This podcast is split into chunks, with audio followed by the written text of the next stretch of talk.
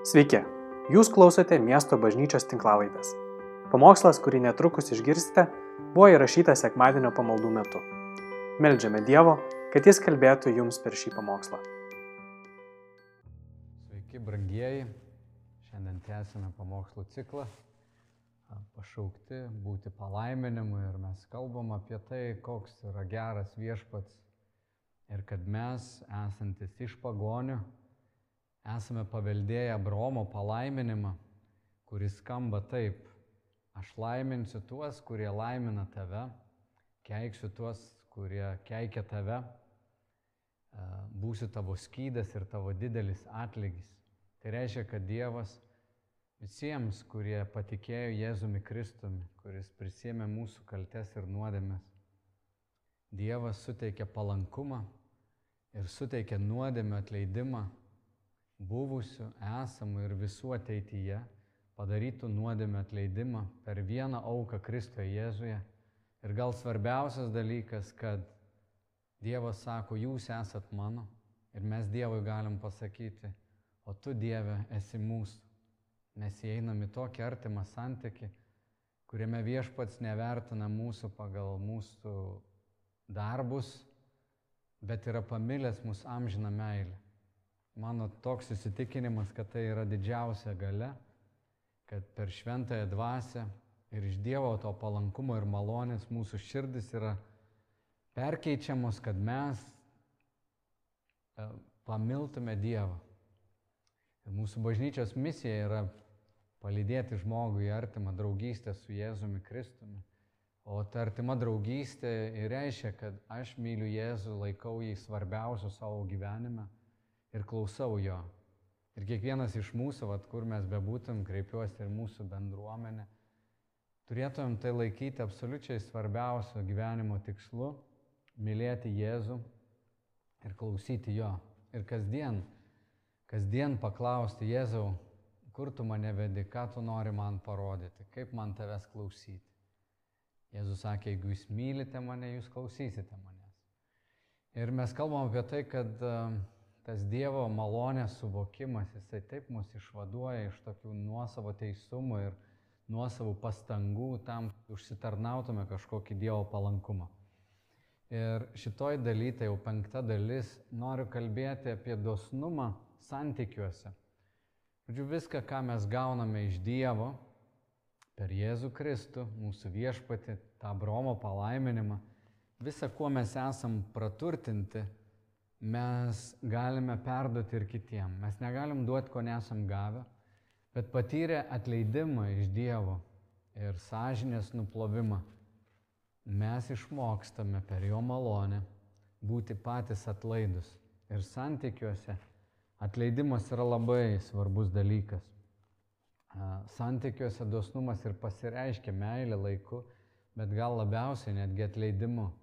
Nes papiktinimų šitam pasauliu yra daug ir, ir santykiai, ir mūsų šeimos, ir, ir kur mes būnam su draugais, tikrai yra dažnai nusėti įvairiausių tokių negandų.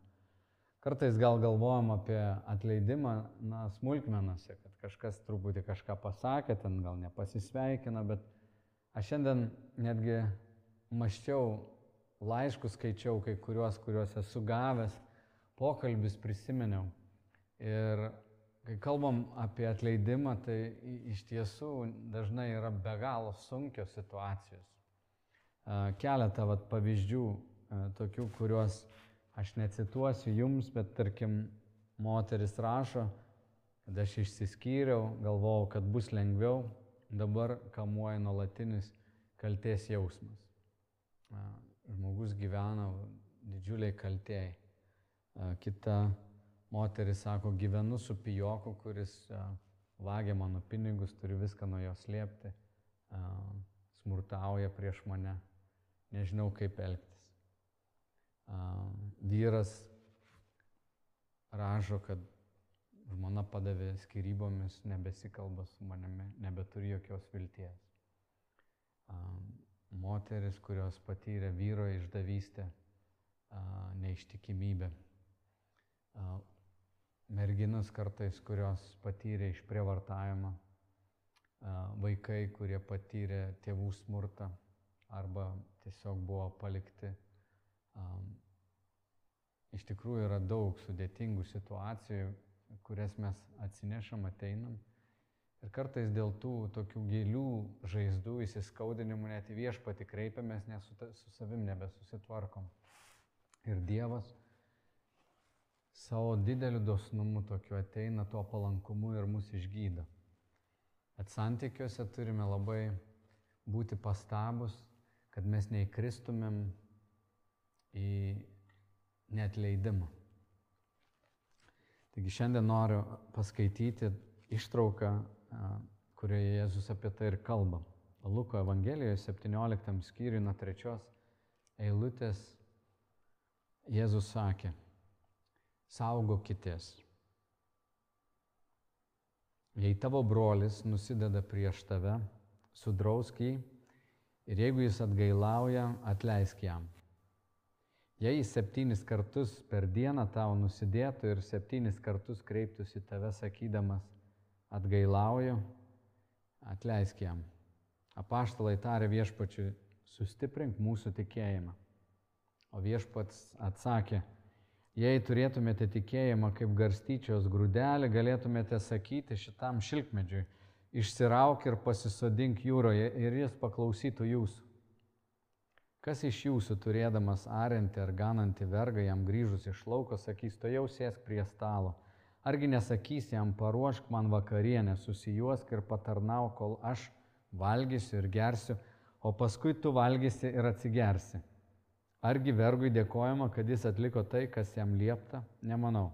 Taigi jūs atlikę visą, kas jums pavesta, sakykite, esame nenaudingi vergai, padarėme, ką privalėjome padaryti.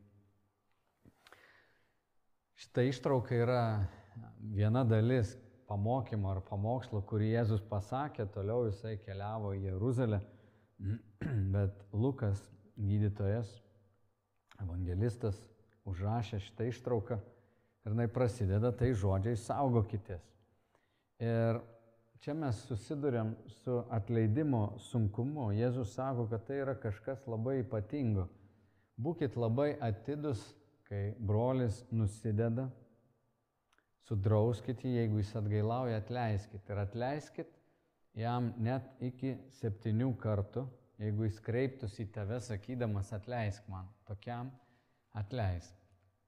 Kai susidurėm šventame rašte su skaičiu septyni, turime žinoti, kad žydų prote skaičius septyni reiškia begalybę. Kai Jėzus kitoje vietoje kalba, mato 18 skyriuje apie atleidimą taip pat ir Petras jo klausė, kiek kartų turėčiau atleisti savo brolį, ar septynis kartus, ar du kartus, kiek tenais Jėzus sako, ne septynis, o septynis kart septyniasdešimt. Žodžiu, tai yra ta frazė, kuri reiškia, kad nu, kiek be prašytum, žodžiu, begalybė. Na, pavyzdys būtų, jeigu kas nors tuo metu ateitų į namus, tu sakytum, na, imk ką tik nori, net ir imk visas septynias avis, tai ne, neturim omeny septynių avių, bet, žodžiu, pasimk visas mano avis, kiek aš jų turiu. Ir Jėzus čia sako, jeigu brolis ateitų net septynis kartus ten per dieną, ir, ir prašytų tavęs per dieną, tai manau yra daug, tu turi atleisti. Žodžiu, jis nepalieka, atrodo, jokio pasirinkimo. Ir mes čia suprantam, kad jeigu įžeidimas mažas, tai atleisti nėra taip sudėtinga. Pavyzdžiui, žmogus ėjo tave užkliuvo, sako atsiprašau, tu sakai, nu prašau. Žodžiu, jokių problemų. Bet jeigu tu patyrė išprievartavimą, išdavystę, vagystę, tas jausmas toks tikrai yra baisus ir jeigu įvyko, pavyzdžiui, girtas vairuotojas užmušė tavo vaiką, kaip tai atsitinka, aš pamenu čia net klaipėdai, prieš keletą metų girtas vairuotojas kieme užmušė vaiką.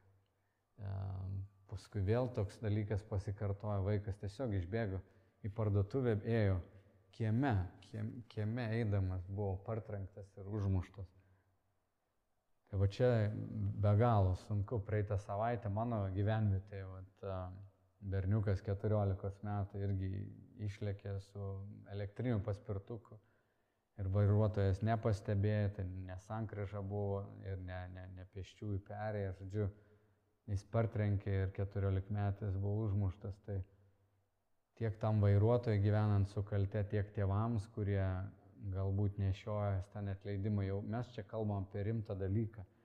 Ir dažnai šitos eilutės, kur apaštalai tarė viešpačiui sustiprink mūsų tikėjimą ir paskui kalbam apie garstyčios grūdą, tai dažnai taikoma šiaip tokiam tikėjimui ir, ir net yra ta klėstėjimo evangelija kartais net naudojama, pasakiau ir gavau vos ne, ką aš be pasakysiu, Dieve noriu to ir Dievas turi išpildyti mano norus. Žodžiu, Abromo palaiminimas reikštų, na Dieve, tu Abromą palaiminai auksų, turtų, gerom mašinom, jis turėjo kupranugarių, be proto daug, tiesiog Kartais šitas eilutės naudojamos irgi viešpatė, jeigu aš turėsiu grūdą kaip garsty, tą tikėjimą kaip garstyčios grūdą, aš tik tarsiu ir, žodžiu, wow, viskas įvyks, man tik reikia tikėjimą turėti.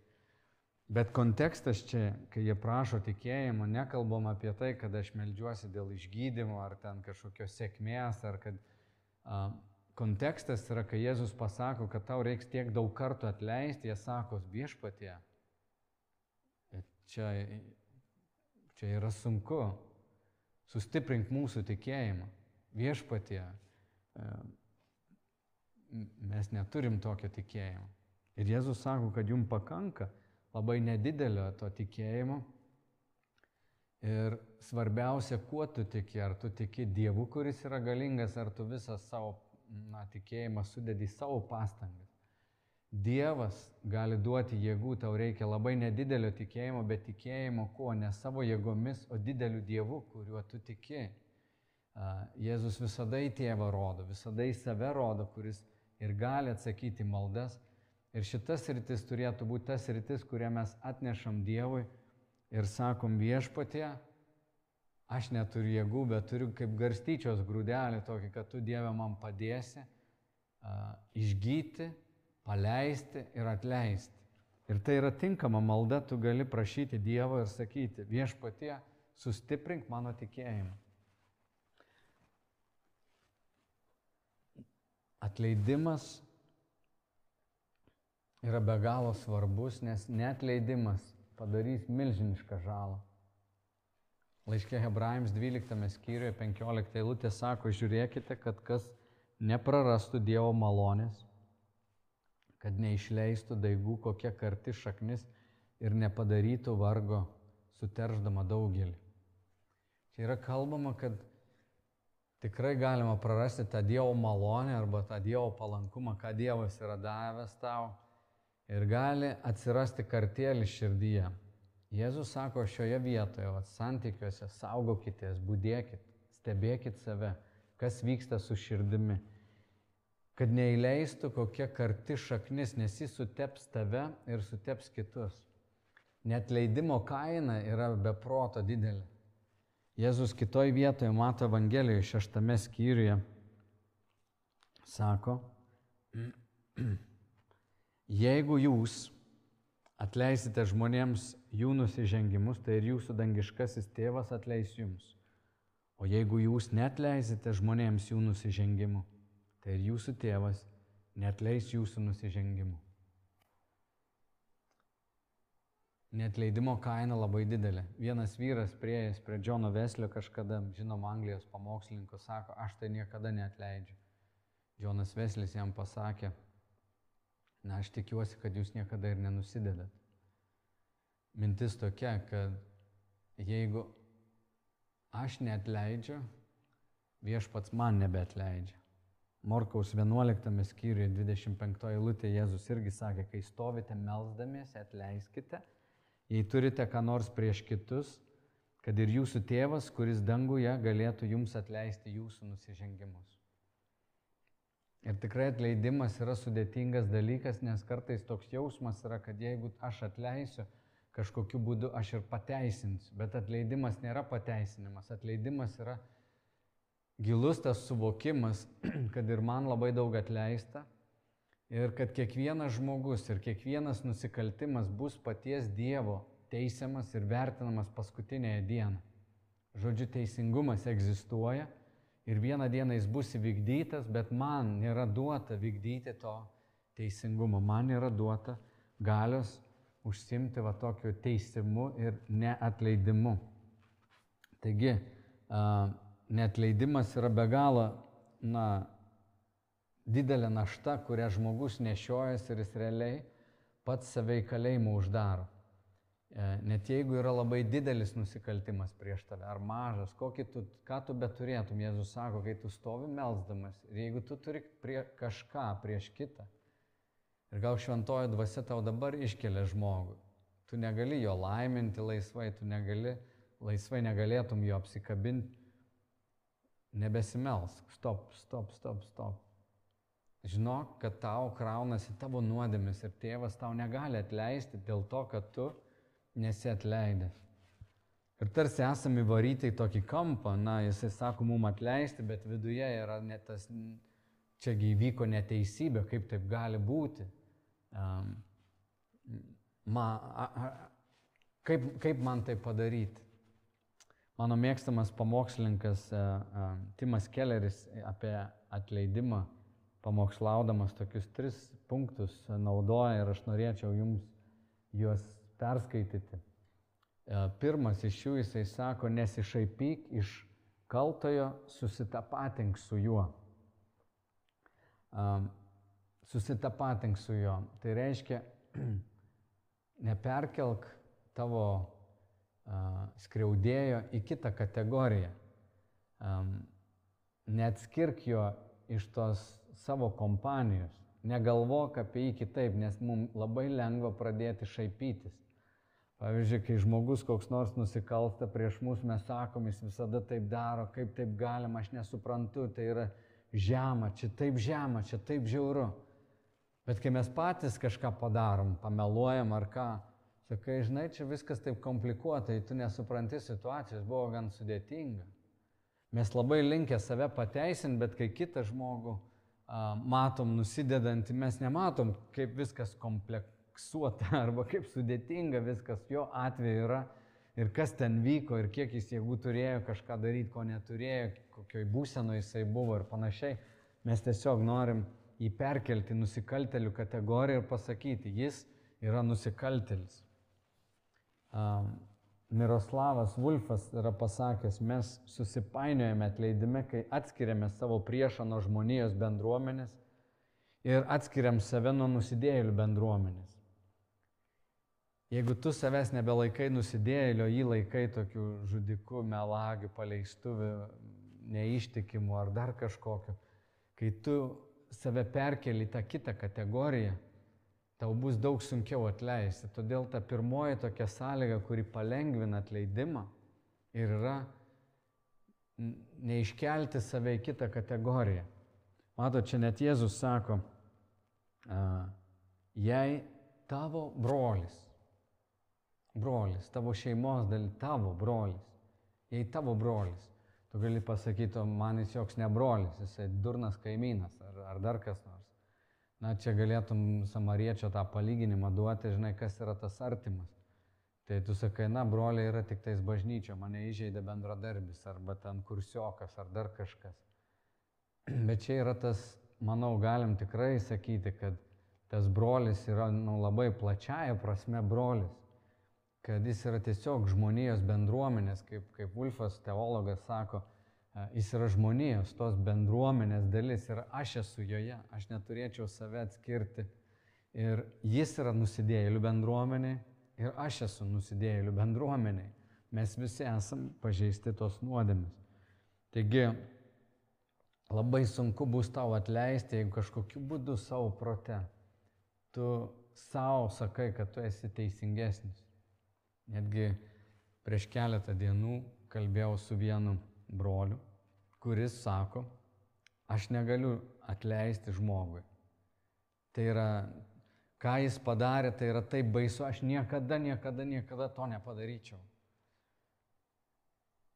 Ir aš žvelgiu į, į, į jį ir suprantu, kad jis yra kalėjime, jis kenčia, jo laukia rimtos psichologinės problemos, tikrai dvasinės problemos, nes netleidimas atidaro duris piktajam veikti Ir piktasis įeis ir jis turės legalią teisę užsimti griovimu jo gyvenime. Bet kas baisiausia, jisai save perkelia į tokią kategoriją, kad aš nesu toks nusidėjėlis. Ir mes tikrai susipainiosim atleidime, jeigu mes save išaukštinsim ir, ir kitą pasakysim, na, aš taip niekada nepasielgčiau. Nes tu nežinai, atsidūręs jo batose, jo ratose, jo, jo kailyje, tu nežinai, kaip tu pasielgtum, tu nežinai. Tu nespręsk teisti, nesimk teisti, nes tu nežinai. Jeigu susidėliotų taip aplinkybės, ką tu darytum, tu gal dar baisiau padarytum. Tu sakai, aš niekada nevokčiau, bet tu nematai jo viso paveikslo. Todėl pirmas dalykas - nesišaipyk, nepaversk jį pasišaipimo ar paniekos objektų, neuždėk jam tikėtis, kad jis toks, toks ar anoks, bet priimk jį kaip tos nusidėlių bendruomenės dalim ir pats būk joje. Antras dalykas. Tu viduje turi atsisakyti teisės į skolą ir pats sumokėti skolą. Atleidimas kainuoja.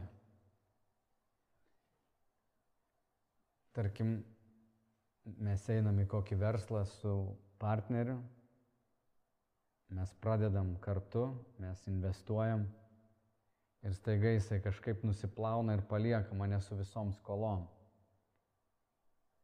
Ir tau kažkas sako, atleisk. Ok.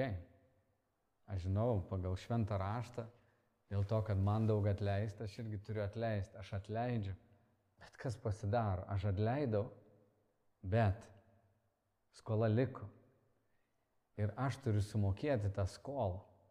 Ir čia jau yra iššūkis, nes atleidimas kainuoja. Jis skauda. Bet santykiuose dosnumas jis visada kainuos ir jisai kažkiek tau skaudės. E, bet manau, kad tai kelias į didžią dvasiškumą. Manau, kad tai yra kelias mums patapti kažko, ko mes dar nebuvom. Tai yra kelias patapti kitokiu žmogum. Jeigu tu mokėsi akį už akį ar ten dantį už dantį, tu atmokėsi, atkeršysi, tu būsi koks likai. Bet jeigu mes prisimsime tą skolą ir sumokėsim, atleisdami ir suprasdami, kad aš vis tiek turiu sumokėti. Vyras mane išdavė, paliko mane su vaikais, nemoka man alimentų. Aš turiu jais rūpintis, man tai kainuoja. Tu sakai, negaliu jam atleisti, tai yra niekšiška. Bet netleisdama, tu save uždarai į kalėjimą. Atleisdama, tu už tą atleidimą irgi susimokėsi, nes tu toliau rūpinsies. Bet Dievas tavyje, Dievas tavyje padarys naują žmogų, didį žmogų, didžią dvasį žmogų. Nes atleisti yra tiesiog dieviška, toks yra mūsų tėvas, taip jis su mumis pasielgia Ir tai yra aukštesnis kelias, galingesnis, fantastiškesnis kelias. Trečias dalykas, kaip atleisti, yra ir tas elementas, kur Jėzus sako, žiūrėkit, sudrausk, sudrausk. Jei tavo brolis nusideda prieš tave, sudrausk jį. Ką reiškia sudrausti? Tai reiškia, kad tu pats irgi žengi žingsnį to brolio sesės atstatymę tu nesi abejingas ir nesakai, na, dzin, na, aš atleidau visą. Ne. Tu pasirink eiti, sudrausti, bet neik sudrausti, kol net leidai. Kol nepaleidai, neik sudrausti, nes tu užsimsi kerštu, tu užsimsi pamokslavimu, pamokymu kažkokiu. Bet kai atleidai, tu turi tą prievolę irgi nueiti ir sudrausti ir pasakyti, ar tu žinai, kad tu mane įžeidai, ar tu žinai, kad man be proto skauda, ar tu žinai, kad tai yra neteisinga. Mato Evangelijoje 18 skyrius fantastinis yra nuo 15 eilutės. Jėzus sako, kai brolis nusideda prieš tave, eik su juo pasikalbėk. Jeigu jis tavęs paklausys, laimėjai broli. Jei jis tavęs nepaklausys, pasikvies dar vieną, tada prie dviejų, trijų pasikalbėkit. Jeigu dar tavęs nepaklausys, tada pasikviesk visą bažnyčią ir tada tegul bažnyčia uh, konfrontuoja su juo ir jeigu jis dar nepaklausys, tai tada te būna jis tau kaip muitininkas ar nusidėjėlis.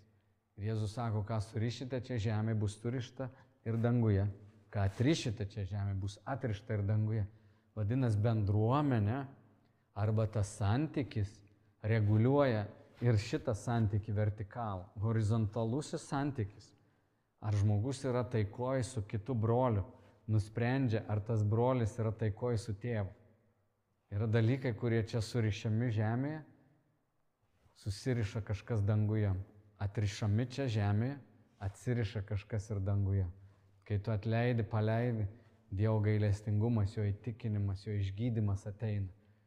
Jeigu brolis nepaklausė, jis eina į pražutį, jis nuolat savo sieloje kartos tos įvykius, jis juose gyvens, jis toj nuoskaudai suksis, jis nustos aukti dvasiškai, nustos aukti emociškai, jis taps kūdikis, jis tiesiog liks visada gynyboje, polime ir taip toliau. Ir jis, jis gali pražūti, susinaikinti, bet santykių dosnumas ir gyvenimas toje Jėzaus palaimoje yra, kad mes ne tik atleidžiam, bet ateinam ir pasakom, taikykimės, susitaikykim, būkim arti.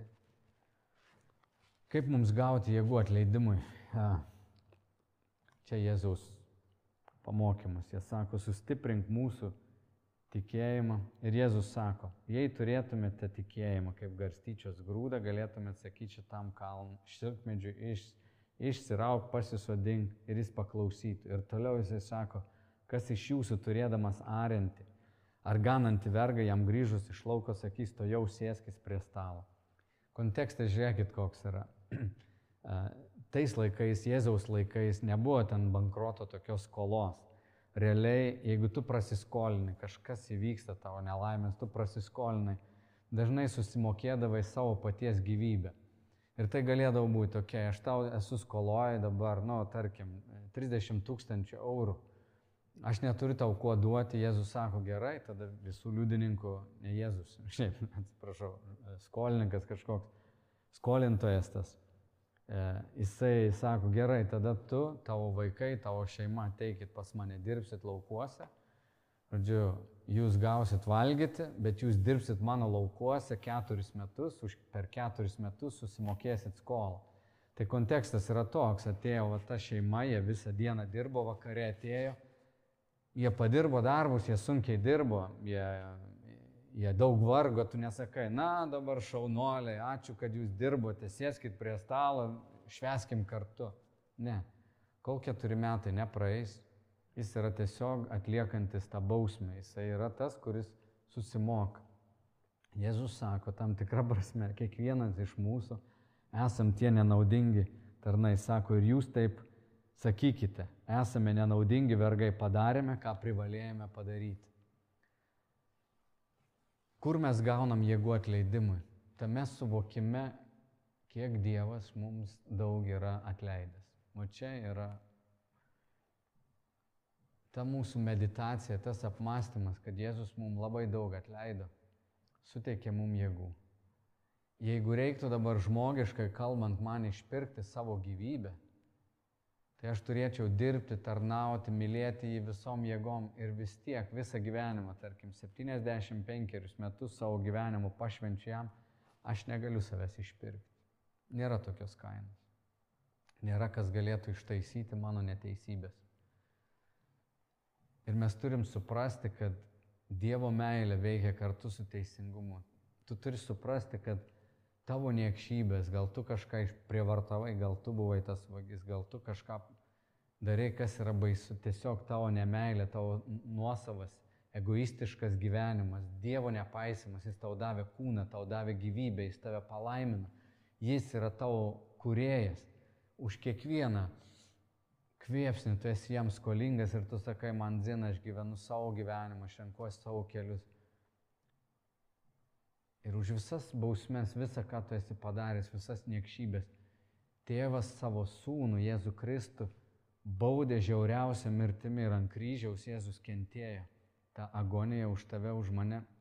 Mes ten turėtumėm būti, realiai neturim nei vienas kaip išsipirkti savęs. Tai Dievo meilė nėra tokia, eikit, darykit visi, ką norit, aš jūs myliu, žmonės pasaulyje, jūs tokie mėly, jūs tokie faini, aš jūs myliu, aš esu meilė. Kad jis galėtų mus mylėti ir parodyti meilę, jis turėjo sunaikinti savo sūnų. Teisingumas turėjo būti vykdytas. Ir, ir jis buvo įvykdytas. Jėzaus Kristaus asmenyje tėvas nubaudė savo sūnų. Kai tu supranti, kad mes neturim kito kelio, ta prasme, tu gali priimti dabar ir sakyti, koks Dievas geras, nu jo toks darbas - atleisti ir mylėti. Ne, netoks jo darbas. Jis yra teisingas, jis rado būdą sunaikinti savo sūnų, kad tavo mano nuodėmės prikaltų prie kryžiaus, bet jeigu jis to būtų nepadaręs, tu visam žinybę, aš visam žinybę būtum atskirti nuo Dievo visiškam bankruotė, kančioj, ne tam, kam sukurti ir jis būtų visiškai teisingas ir yra teisingas, leisdamas kiekvienam žmogui pagal jo pasirinkimą atsidurti pragare, amžinoj pražūtį. Tai mūsų visų tas laukia, jeigu ne vienas šitas dalykas, kad Jėzus atėjo už mus numirti.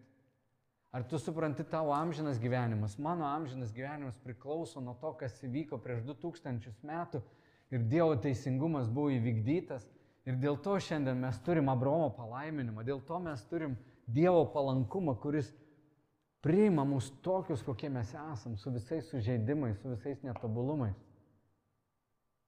Mums yra dovanota 50 milijonų skola, brolis tau prasiskolino 300, tu ateini pasičiumpėjai, sakai, aš tau niekada netleisiu. Gražink man skolą. Ir Jėzus sako, kad kai tu netleidi, tu elgiesi tarsi šeimininkas, nors esi vergas. Tu apsimeti šeimininku, bet elgiesi. Elgiesi kaip šeimininkas, o esi vergas.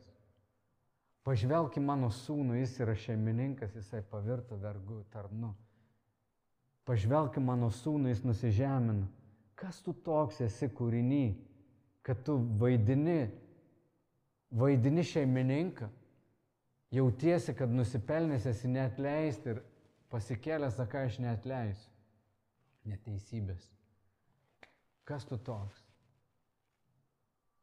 Ir tėvas, kuris yra toks maloningas, jis pradeda priešintis išdidiesiams. Susilaikykim nuo šitos nuodėmės ir saugokimės. Saugokimės. Kai mes ruošiamės nuolat atleisti, mes a, esam pakeliui į didžiadvasiškumą. Mes patampam panašus į Jėzų Kristų. Tada niekas negali sugriauti mūsų gyvenimą. Kažkas gali sugriauti mūsų karjerą, gali atimti mūsų darbą. Mes galim nukentėti finansiškai, bet negali sugriauti mūsų gyvenimą. Bet jeigu kažkas nuskriaudė ir mes pasirinkam net leisti ir neleidžiam tam palaiminimui per Jėzų Kristų mūsų gyvenime tekėti kitus žmonės, Tai mes ne tik nukentėjom psichologiškai, dvasiškai, finansiškai, mes leidome, kad kažkas sugriautų mūsų gyvenimą. Te viešpats apsaugo nuo šitos beprotystės tave ir mane. Jūs sėdit pamaldose, ar sėdit tu namuose savo kambarį, gal viešpats tau iškėlė žmogui tavo atmintį um, atleisk. Gal ir sudrausmink, gal paskambink, bet pirmą paleisk. Supras, kokioj niekšingoje, baisioje pozicijoje mes buvom ir viešpats mūsų ištraukė. Mūsų viešpats Jėzus nusižemino iki mirties ant kryžiaus. Primk nusižeminimą, sumokėk pats skolą ir eik į tą didžią dvasiškumą, eik į, į dvasios didybę. Būk kaip Kristus, liek tą palaiminimą kitiem. Ir jeigu viešpats tau iškėlė tai, tą žmogų atleisk. Ir jeigu sunku tau atleisti, tiesiog paprašyk viešpatį, sustiprink mano tikėjimą. Tai Dievo malonė, jo gailestingumas Tai Abromo palaiminimai lėjas į tavo gyvenimą, tavo šeimos gyvenimą. Būkime tie paveldėtojai, Jėzaus Kristaus imituotojai Sėkim jo keliu, eikim žemyn, kad viešpats galėtų mus pakelti. Amen. Ačiū, kad klausėte. Daugiau informacijos apie miesto bažnyčią rasite internete www.m-b.lt arba Facebook, Instagram bei YouTube paskiruose.